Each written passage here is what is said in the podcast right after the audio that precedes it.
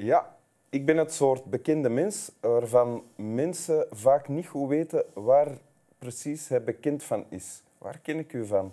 Uh, zeggen ze dan tegen mij.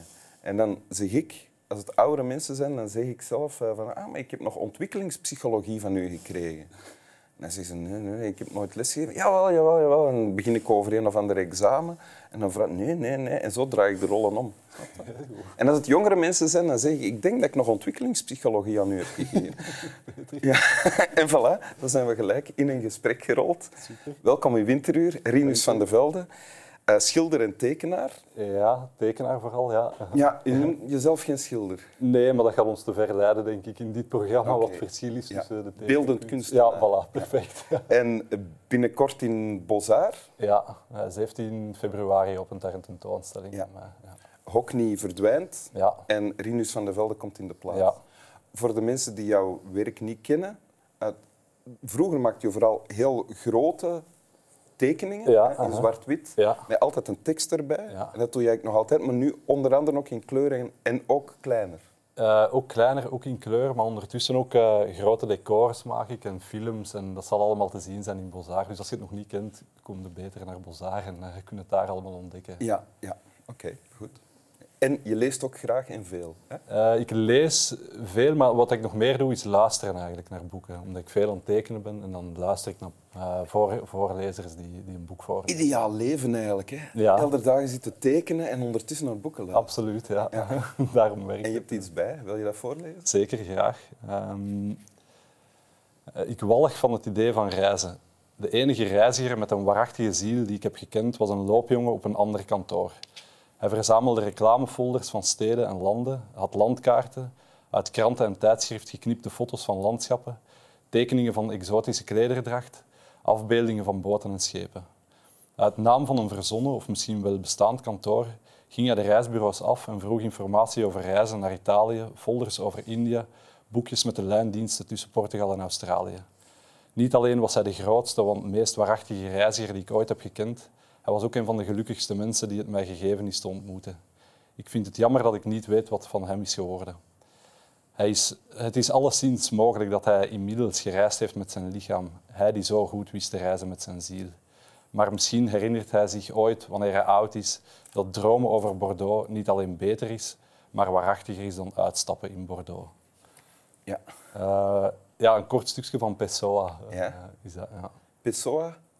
Ja, een van mijn favoriete schrijvers nu, hè, op dit moment denk ik. Omdat hem zoveel raakvlakken heeft met, met hetgeen wat ik doe. Uh, allee, of toch qua thematiek. Pessoa was uh, een Portugese schrijver die overdag een, een, um, uh, kantoorjob, had. een kantoorjob had, een hulpboekhouder was. En eigenlijk s'avonds en s'nachts altijd aan het schrijven was. Hè, in een soort eenzaamheid hè, en in de beslotenheid van zijn kamer. En niemand wist daar veel van.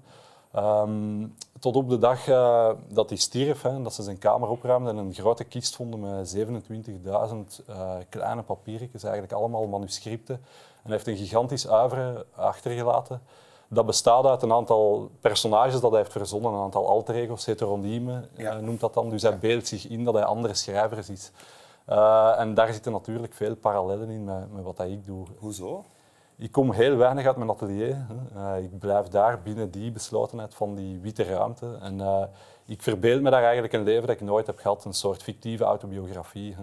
En voor ons allebei, voor Pessoa en voor mij, is eigenlijk de dagdroom hè, of de droom belangrijker dan, dan uh, wat er in de realiteit gebeurt. Hè. Dus, dus eigenlijk een fascinatie met, het, met de droom hè, of de verbeelding, een ode aan de verbeelding of aan de leugen, zouden we ook kunnen zeggen. Ja in het stuk dat jij nu net hebt voorgelezen, heeft Pessoa het over iemand die reist door allerhande folders en informatie te verzamelen. Ja, ja en zelfs dat effectief, dat, als ik dat fragment las, dacht ik, ja, dat is precies voor mij geschreven. Dat heb ik jaren gedaan. Uh, Vijftien jaar geleden, toen ik begon, plakte ik allemaal afbeeldingen van National Geographic aan de muur.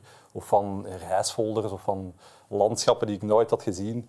En ik keek daarnaar en ik beelde me in dat ik, dat ik in die afbeeldingen zat of dat ik die reizen maakte. En zo ontstond er een verhaal, hè, een verhaal dat ik dan uittekende. En, en dat was, dat, was veel, uh, dat gaf veel meer voldoening dan daadwerkelijk naar zo'n plek reizen. Ja, dat heeft mij altijd, ja, dat is mij later natuurlijk opgevallen. Dat is altijd zo geweest dat daar zit de vreugde in bij mij, of de, het plezier uh, in dat imaginaire reizen en in die, uh, het niet verplaatsen eigenlijk. En het enkel u verplaatsen in uw verbeelding. Um, ja, dat is altijd zo geweest bij mij. Uh, en ik herinner me zo'n verhaal dat ik ehm, met mijn ouders naar de Grand Canyon ging toen ik 14 was. Uh, een heel gedoe met dat vliegtuig door die woestijn rijden, met een auto dan um, uh, na die vliegreis. En we komen daar uiteindelijk aan, en ik was een puber natuurlijk, en ik zei tegen mijn ouders, ik ga blijven zitten in een auto, ik heb geen goesting om dat te zien. En uh, zij, ja, ik weet niet welke reden dat ze hadden, uh, zeiden van oké, okay, dat is goed. Ik denk dat ze die strijd beu waren met die lastige pubers. Dus je bent echt in de auto blijven zitten? Dus ik heb de Grand Canyon nooit gezien, maar ik ken de Grand Canyon nu alleen van de prachtige schilderij die Hockney daarover heeft gemaakt. Ja, die Polaroids. Ja, hij heeft daar ook schilderijen van gemaakt, ook Polaroids. En ik denk soms, allee, achteraf heb ik natuurlijk gedacht van misschien is het wel mooier dat ik dat alleen ken van die schilderijen van Hockney en daar zo'n beeld van heb. Mooi esthetisch beeld. Hè, je hebt er geen spijt van, van dat je toen niet bent uitgestapt? Nee, tot, ja, nee, eigenlijk niet. Want ik ben daarna natuurlijk ook nog wel op reis geweest. En vaak als ik erin stond, heb ik gedacht van... Um, ik weet niet wat ik moet voelen, of, um, of ik voel hier niks bij, of um, het komt niet binnen of zo. Uh, terwijl dat de mogelijkheden natuurlijk om te reizen in je hoofd, hè, of om die trips te maken, zijn veel groter en eigenlijk veel interessanter dan effectief met een zware rugzak ergens naartoe te trekken. Want dan kom je die realiteit altijd tegen en dat is een soort obstructie ook. Hè. Dus ik ben ook wel eens naar Kenia gereisd. Ja? Daar maakte van alles mee dat je eigenlijk liever niet wilt meemaken. Je raakt dan iets aan en je steekt dat in je mond. En wij westerse zielen kunnen daar dan niet tegen. En je krijgt daar allerlei problemen, hè? Uh, om het niet te gedetailleerd te vertellen. Maar dan denk ik van... Er is bijvoorbeeld een schrijver, Raymond Roussel, en die heeft een boek geschreven, L'impression de l'Afrique. En dat is een heel boek over Afrika en is daar nooit geweest, hè, over het continent. Uh, en op zich is dat een ongelooflijk mooie studie over, over Afrika, of een ongelooflijk mooi surreëel boek. Hè. En soms is het denk ik interessanter, voor mij alleszins, om op zo'n manier na te denken over uh, wat dat reizen kan zijn. Pessoa in de tekst die je nu hebt gekozen noemt die loopjongen zelfs de meest waarachtige ziel die hij ooit heeft ontmoet. Ja, daar is ook iets voor te zeggen natuurlijk. Hè, omdat hij met zijn gedachten zo vrij kan reizen en zoveel kan meemaken en zoveel dingen kan uitdenken. Het is een beetje zoals uh, gedachte-experimenten uitvoeren. Hè. Um, ik ging gisteren nog naar een lezing van die Thomas Hertog, die uh, fysicus. En die sprak over uh, Stephen Hawking ook, dat een veel gebruikte methode bij wetenschappers is een gedachtenexperiment te doen. Dus los van het laboratorium uh, beelden die zich gewoon een situatie in.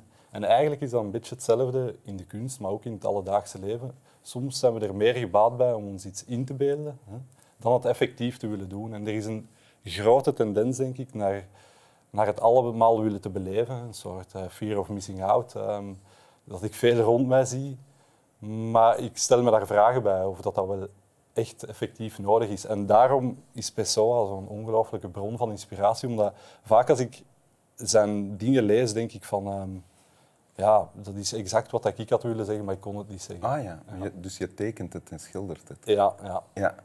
En ik denk ook nu, als er nog ooit laat ons hopen van niet, maar als we nog ooit terechtkomen in een nieuwe strenge lockdown, dan moeten mensen gewoon naar deze aflevering. Ja, absoluut. Wil je het nog eens voorlezen? Ja, zeker. Um, ik walg van het idee van reizen. De enige reiziger met een waarachtige ziel die ik heb gekend was een loopjongen op een ander kantoor. Hij verzamelde reclamefolders van steden en landen, had landkaarten en uit kranten en tijdschriften geknipte foto's van landschappen tekeningen van exotische klederdrachten, afbeeldingen van boten en schepen. Uit naam van een verzonnen of misschien wel bestaand kantoor gingen de reisbureaus af en vroeg informatie over reizen naar Italië, folders over India boekjes met de lijndiensten tussen Portugal en Australië. Niet alleen was hij de grootste, want de meest waarachtige reiziger die ik ooit heb gekend, hij was ook een van de gelukkigste mensen die het mij gegeven is te ontmoeten. Ik vind het jammer dat ik niet weet wat er van hem is geworden. Het is alleszins mogelijk dat hij inmiddels heeft gereisd met zijn lichaam hij die zo goed, zo goed wist te reizen met zijn ziel. Maar misschien herinnert hij zich ooit, wanneer hij oud is, dat dromen over Bordeaux niet alleen beter is, maar waarachtiger is dan uitstappen in Bordeaux. Dank u. Graag gedaan. Slap wel.